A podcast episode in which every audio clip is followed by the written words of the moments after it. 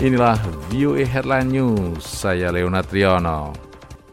Presiden Amerika Donald Trump menandatangani rancangan undang-undang stimulus 2,2 triliun dolar pada hari Jumat yang bertujuan untuk memperkuat ekonomi yang telah terpukul oleh pandemi virus corona. Sementara ia juga menggunakan wewenang pemerintah untuk memaksa General Motors atau GM untuk membuat ventilator guna membantu para pasien COVID-19.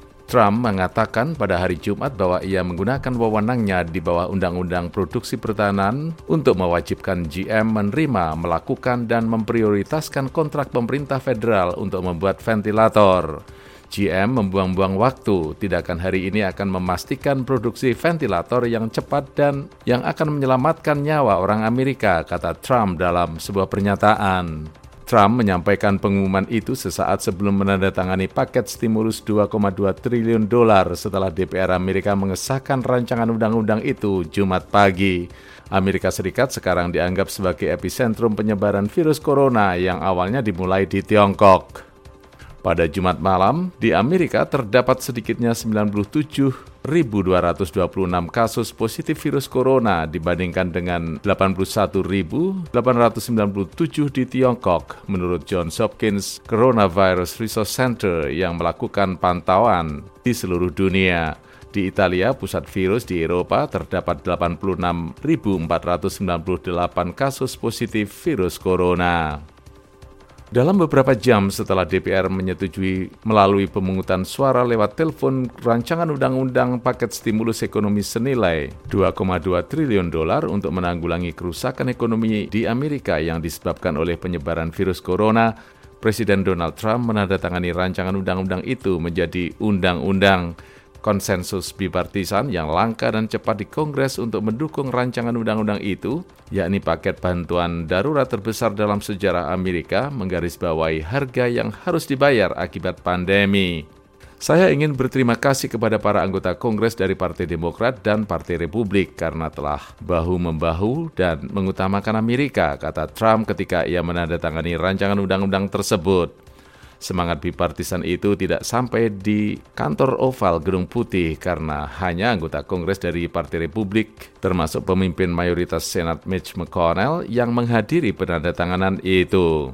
Presiden Trump juga didampingi di ruang seluas 75 meter persegi itu dalam jarak yang aman oleh Wakil Presiden Mike Pence, empat anggota kabinetnya, dan beberapa pejabat lainnya cek yang dikirim langsung ke perorangan dan keluarga, tunjangan pengangguran harus diperluas. Rumah-rumah sakit dan penyedia layanan kesehatan yang kewalahan akan mendapatkan dana pemerintah dan ratusan miliar dolar dalam bentuk bantuan dan pinjaman akan diberikan kepada usaha kecil dan perusahaan-perusahaan besar. Anda mengikuti Headline News, VOA Washington. Saham Amerika turun tajam pada Jumat setelah naik tiga hari sementara Perekonomian dunia terus bergulat dengan membendung pandemi virus corona dan meskipun stimulus ekonomi 2,2 triliun dolar telah disahkan, Dow Jones Industrial Average turun hampir 4,1 persen, sedangkan indeks S&P 500 turun 3,4 persen dan indeks Nasdaq turun 3,8 persen.